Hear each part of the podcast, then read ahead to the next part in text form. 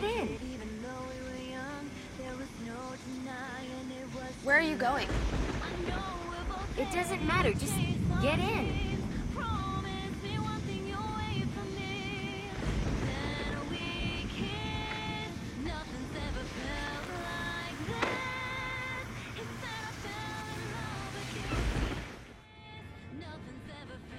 Where are you headed? Winnemucca, up north. My boyfriend is a mining engineer um, on the Penguin Surprises.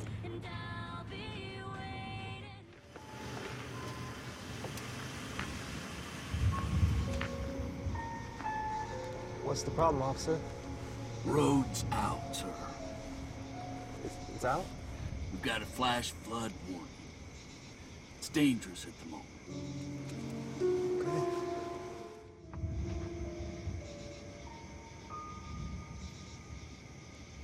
Does anyone have a working cell? No, mine broke when you almost ran me over. That was an accident. Sorry about not picking you up, but my wife gets kind of nervous about picking up hitchhikers. Oh, no problem. I had hours before I would have died from exposure. I think they have a phone back at that uh, diner. What diner? Uh, that diner a couple miles back. There hasn't been a building on this road for the last 50 miles. It was called Last Chance Diner. Last Chance Diner, now that's rich. Do you remember seeing a diner? Sorry to contradict, but I do believe that diner's closed. It looked open to me. So there is a diner. There was a diner.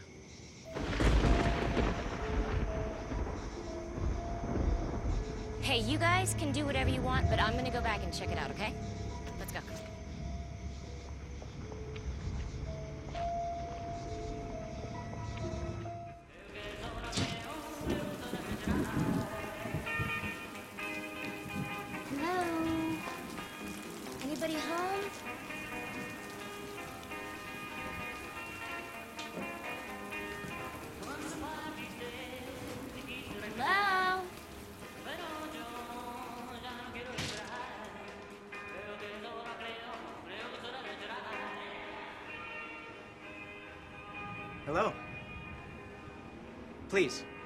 Have a seat anywhere. Jesus. Most people pronounce it Jesus. Nice name. Religious. Doesn't really have anything to do with religion. It was my father's idea. I don't know that I'd want to have the name Jesus. I, I'd be expected to know everything. Hey, how did you know my name? Well, it's Hank. Isn't it, Catherine? Hey, how did you know our names? I'm Jesus. I know everything. I know all of you. Melissa made her decision on the 232nd day of her 17th year. That was her birthday into my kingdom. Why don't you tell Nick all about it? Tell him why you sought me. I'd like to hear it. So would I. Well, I was, uh, depressed. The guy that I'd been dating, uh, broke up with me, so... I, uh, it was all I could do. So I would, uh, come home and just... sleep and cry and sleep and cry and... eat. It got so bad that I was, um, thinking about taking my own life. I uh, stole a bottle of painkillers from my mom's house and was planning on taking them that night and going to bed and never waking up. And um, the phone rang. For whatever reason, I picked it up. And it was a friend from work. And uh, she was a Christian. And she would always talk about God and the Bible. And she said she was gonna come pick me up and take me to a movie. And I, I thought, why not?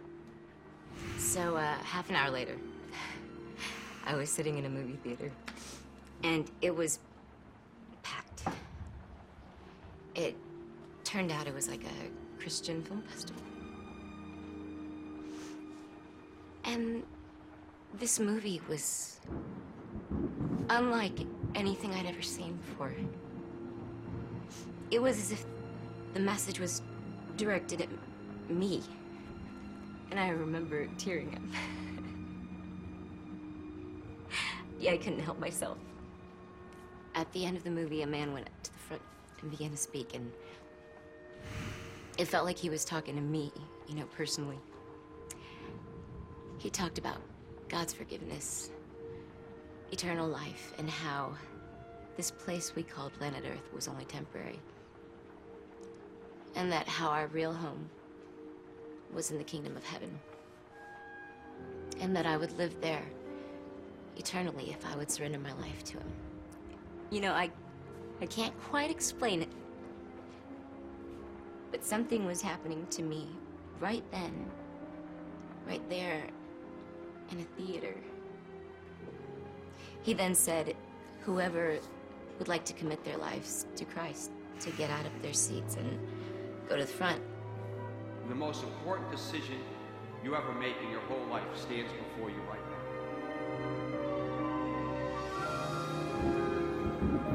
now. And so I did.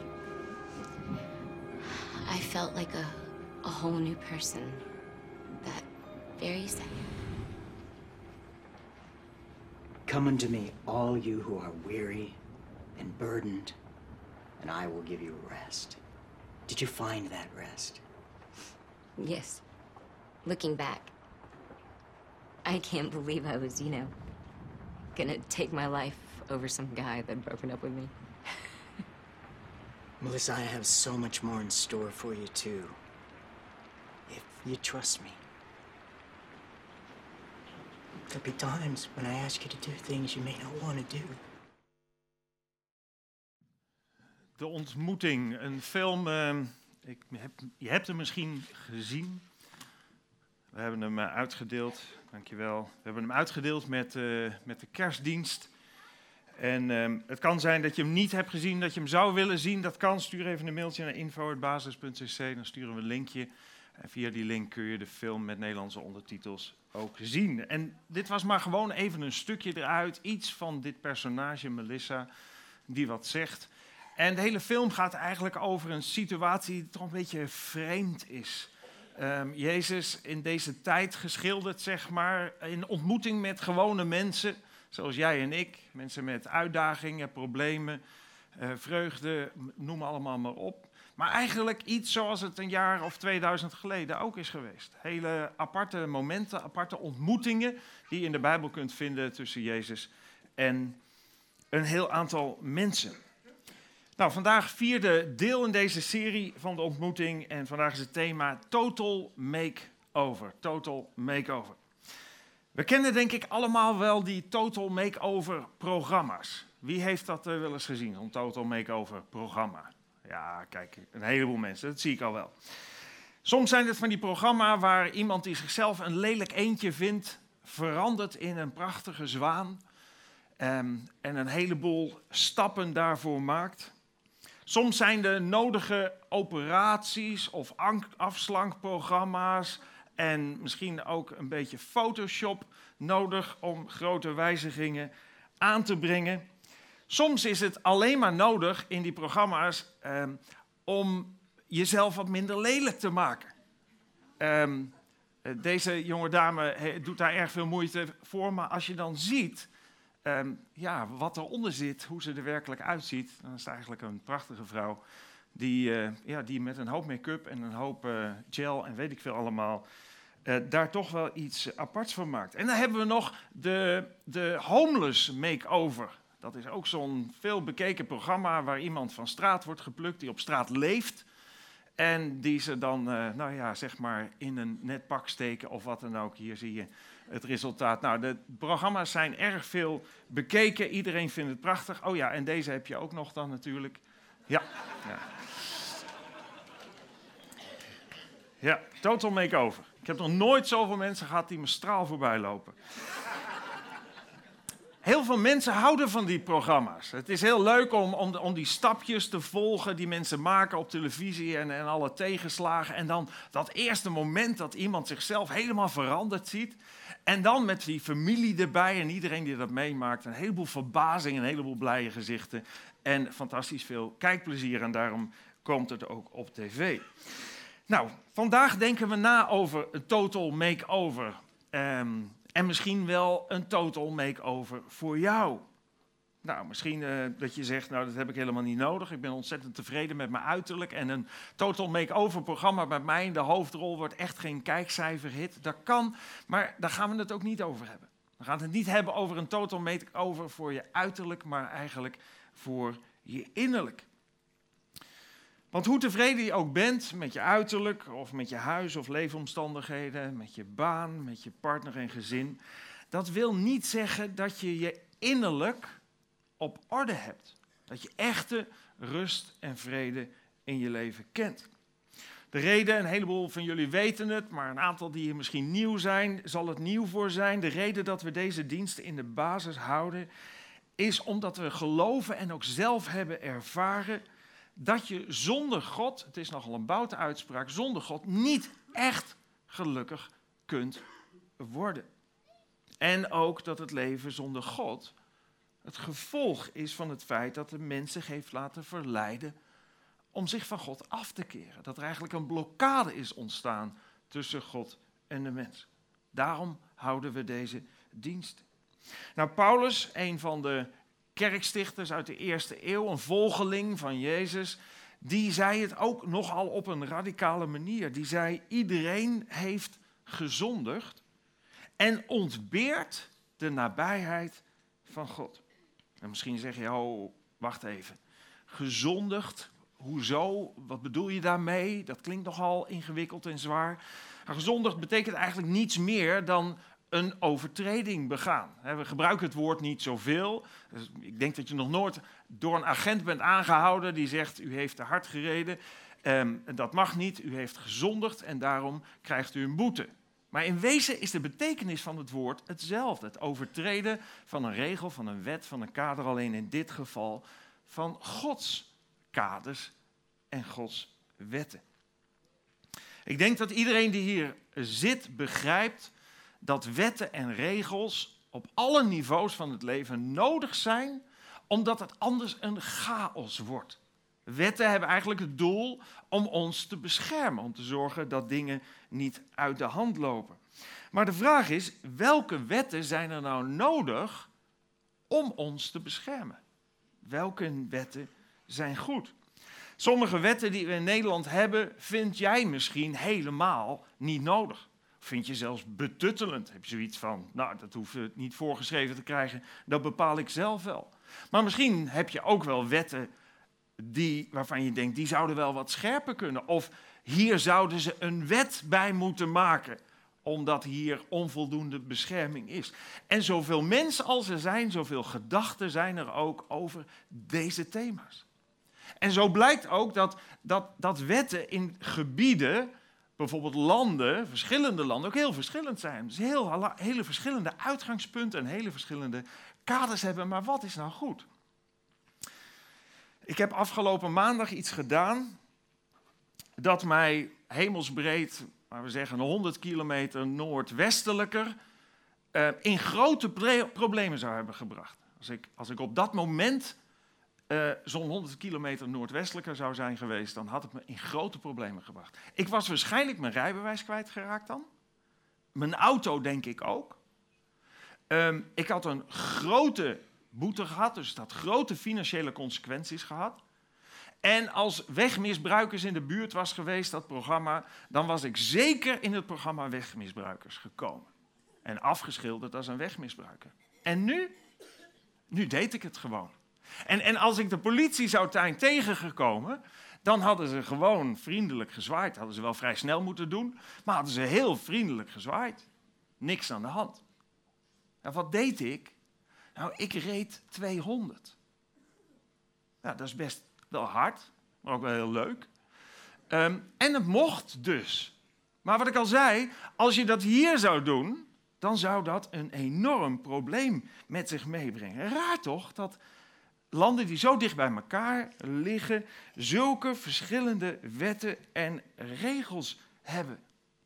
En misschien zeg je, ja, maar dat is logisch, want Duitsland is veel wijdser en daar kan het en in Nederland kan het niet. Nou, eh, neem me niet kwalijk, als je op de snelweg van Oberhausen naar Arnhem rijdt, dat is gewoon een vierbaansweg, gewoon twee keer twee stroken, en dan mag je ohne ende zo hard als je wil.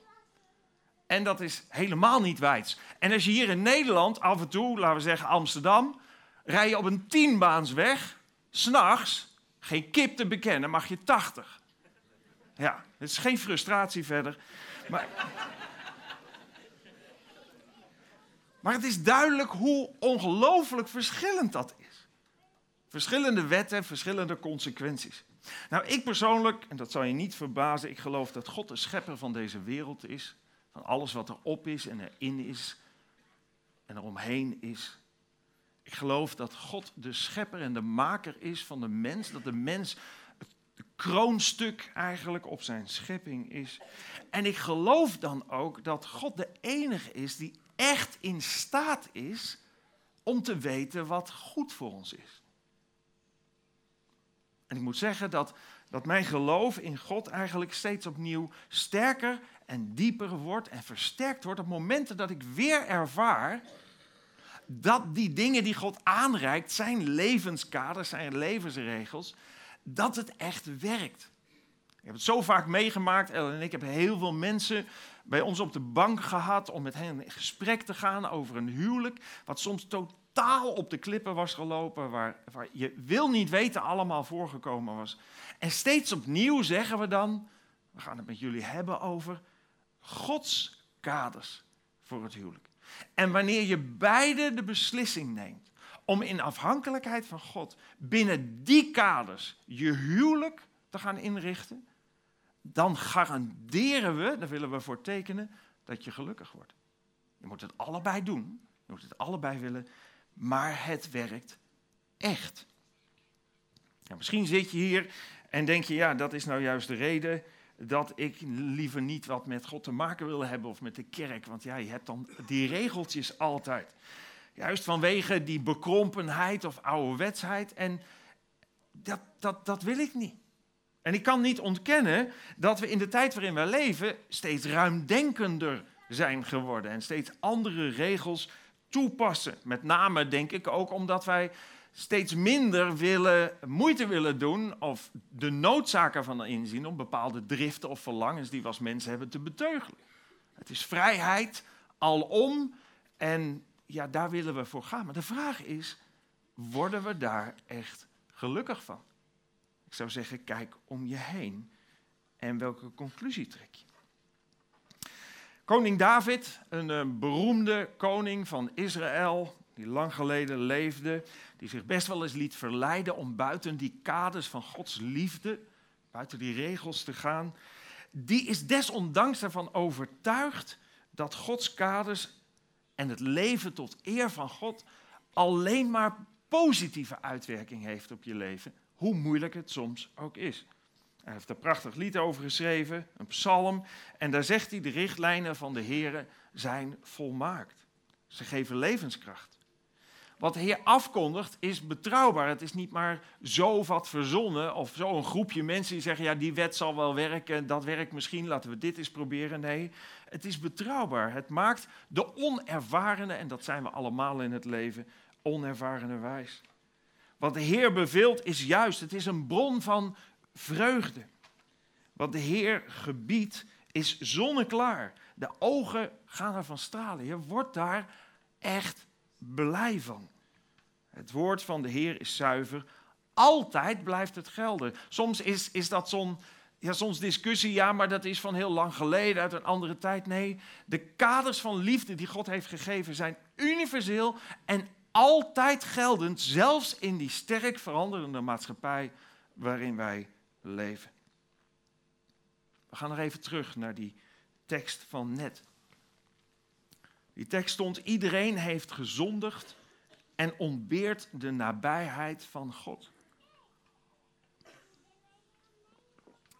Iedereen ontbeert de nabijheid van God. Ik heb voor deze vertaling gekozen omdat in deze vertaling dat woord ontberen wordt gebruikt. Een woord wat we niet zo vaak gebruiken, maar wat wel goed aangeeft wat er aan de hand is. Weet je wat het betekent, het woord? Ik keek het woordenboek, er staat iets niet hebben waar je eigenlijk niet zonder kan. Een ander woordenboek zei iets missen waaraan je grote behoefte hebt. Of iets missen wat je heel hard nodig hebt.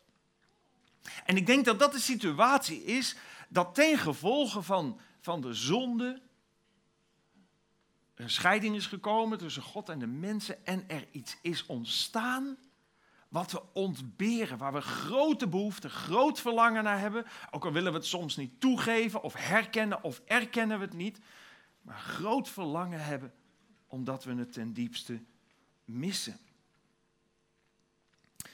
Twee weken geleden hebben we stilgestaan bij dat wat God heeft gedaan om die verbroken relatie tussen God en de mens weer te herstellen. En misschien ken je deze tekening nog die we toen hebben gebruikt. De blokkade die er is, de zonde, geestelijk dood. Dat betekent niet dat je werkelijk dood bent, maar dat er, dat er een breuk is tussen God en de mens. En de mens voelt zich daar naar bij. Want we ontberen die relatie. We hebben nagedacht over hoe de schuld werd weggenomen doordat Jezus op deze wereld kwam. Doordat hij zijn leven gaf en daarmee eigenlijk de boete betaalde, de schuld betaalde die wij zouden moeten betalen. We zouden het met ons leven moeten bekopen.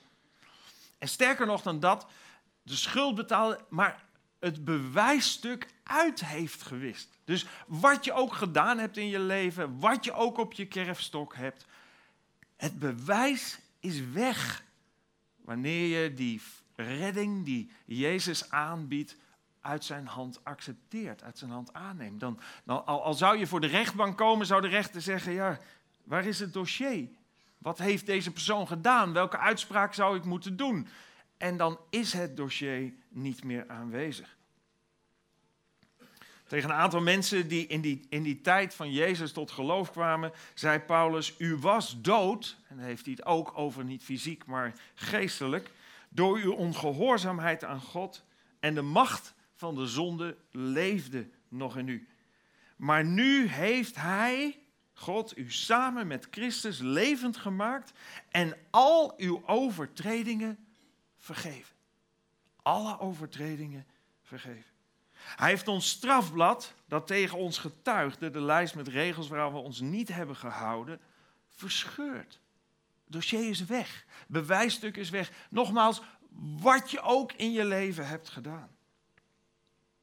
En in die dienst twee weken geleden heb ik een uitnodiging gedaan om een keuze te maken om Jezus te volgen in je leven. Om dat offer wat Hij voor jou en mij heeft gebracht te aanvaarden. En Hem te volgen en gehoorzaam te zijn.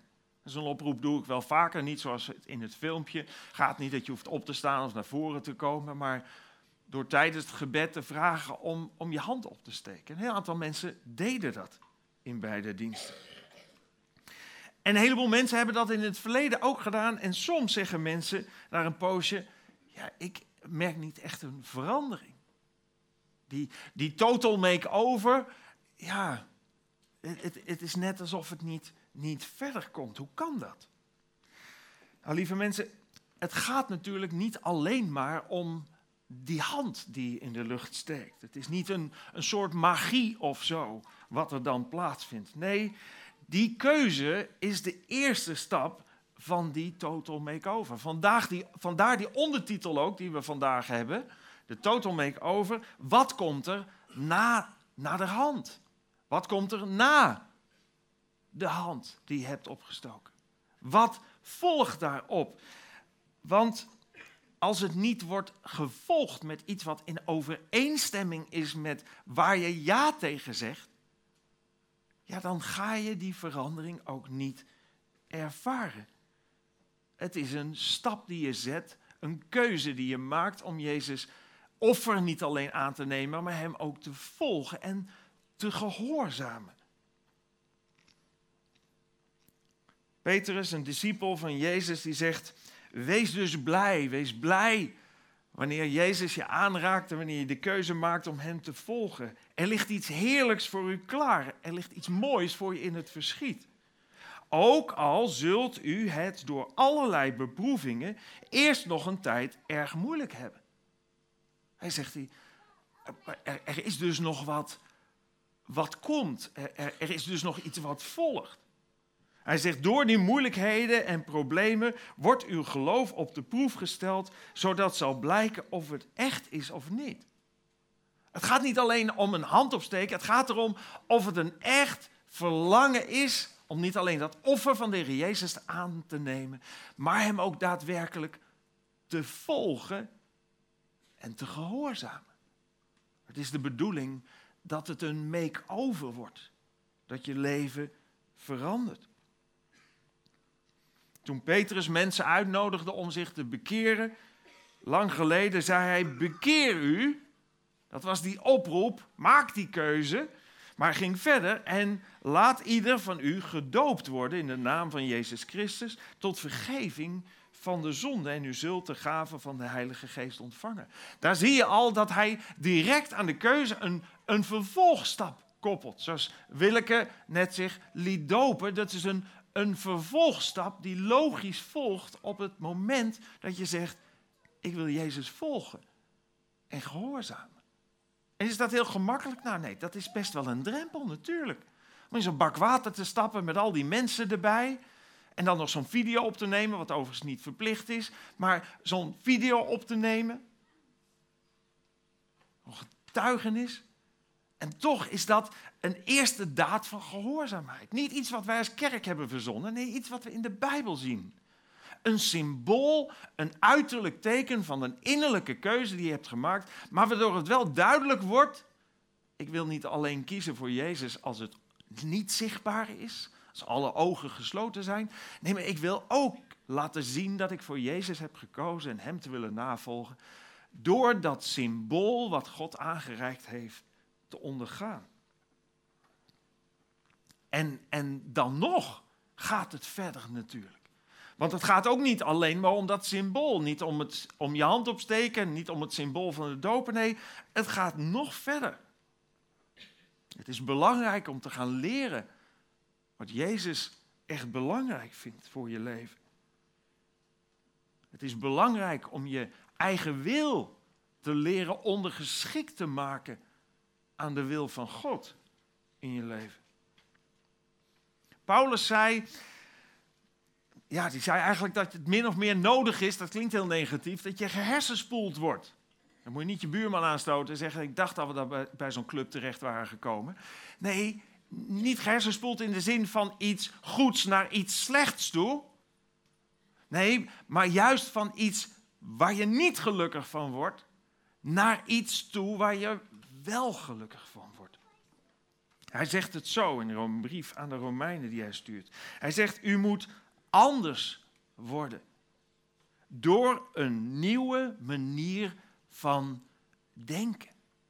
Je moet anders worden door een nieuwe manier van denken. Ons denken is gevormd op een manier die niet in het verlengde ligt van dat wat God voor je leven bedoeld heeft. Door onze opvoeding, door onze eigen keuzes, door hoe de maatschappij in elkaar zit, door het feit dat we God helemaal geen onderdeel meer laten zijn daarvan.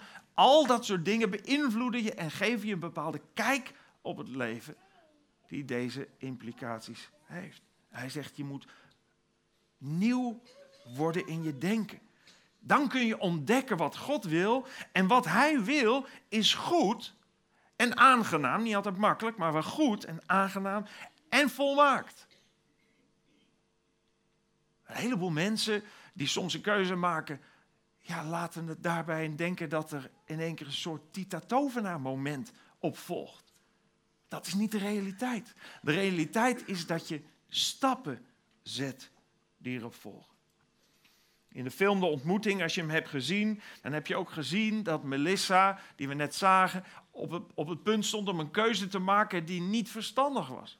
Was eigenlijk een keuze waarvan wij in de wereld het niet meer dan normaal vinden, maar waarvan eigenlijk God zegt, ja maar meisje, dat kun je wel kiezen, maar daar word je niet gelukkig van en dat is toch wat je wilt. En zo vinden we zoveel dingen op gebied van seksualiteit, op gebied van financiën, op gebied van werk en gezin. Helemaal normaal om te doen. Maar de vraag is of je er op de lange duur gelukkig van wordt. En van een heleboel dingen kan ik zeggen met zekerheid: nee, dat word je niet. Het is dus belangrijk om op zoek te gaan naar hoe God het leven heeft bedoeld en welke plannen God voor je leven heeft. En hoe kun je dat gaan ontdekken? Nou, bijvoorbeeld door de Bijbel te gaan lezen. De Bijbel is niet een heel makkelijk boek om te lezen. Er zijn ook hele gedeelten die wel makkelijker zijn. De dingen die niet makkelijk zijn, die sla je dan maar even over. En je leest gewoon verder. En je merkt dat als je hem een jaar leest, een twee jaar, een tien jaar, net zoals een film die je vaker ziet, je gaat steeds meer dingen zien, steeds meer dingen herkennen, er blijkt steeds een diepere laag in te zitten. Dat helpt je om te ontdekken hoe heeft God het leven bedoeld. Je kunt een stap zetten door te gaan bidden. Het kan nog heel awkward, heel, heel raar aanvoelen in eerste instantie. Als je dat gaat doen, maar niet gewend bent kun je natuurlijk een rustig plekje voor opzoeken. Tegenwoordig kun je ook hardop bidden in de auto. vroeger dachten ze als iemand zo zag rijden die hardop aan het praten was in de auto.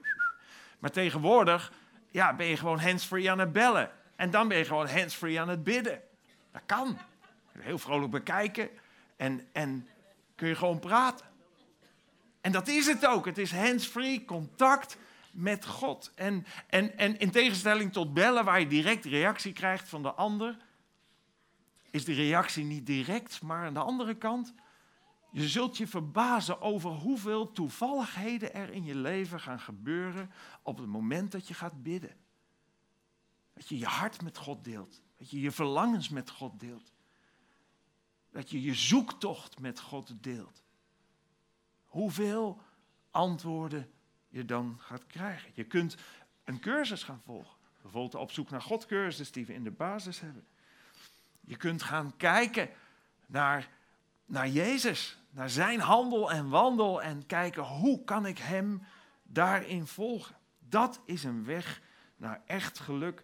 Dat is een weg naar eeuwig leven, waarbij je het niet verdient door dat te doen. Nee, verdienen niks, alles is genade. Wat Jezus heeft gedaan aan het kruis, dat Hij zijn leven voor ons heeft gegeven.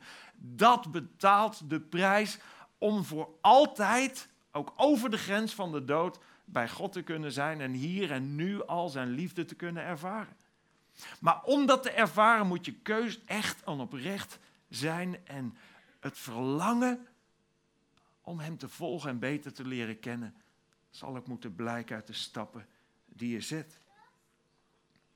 Misschien heb je recent, daar wil ik mee afsluiten, of langer geleden eens je hand opgestoken of op een andere manier de keuze gemaakt om God te willen leren kennen, om Jezus te willen volgen in je leven. Vanuit het verlangen naar rust en vrede, vanuit het verlangen zijn onvoorwaardelijke liefde te leren kennen. Vanuit het verlangen om, om in soms deze bedreigende wereld hoop te hebben voor dingen die er gaan komen. Troost te ervaren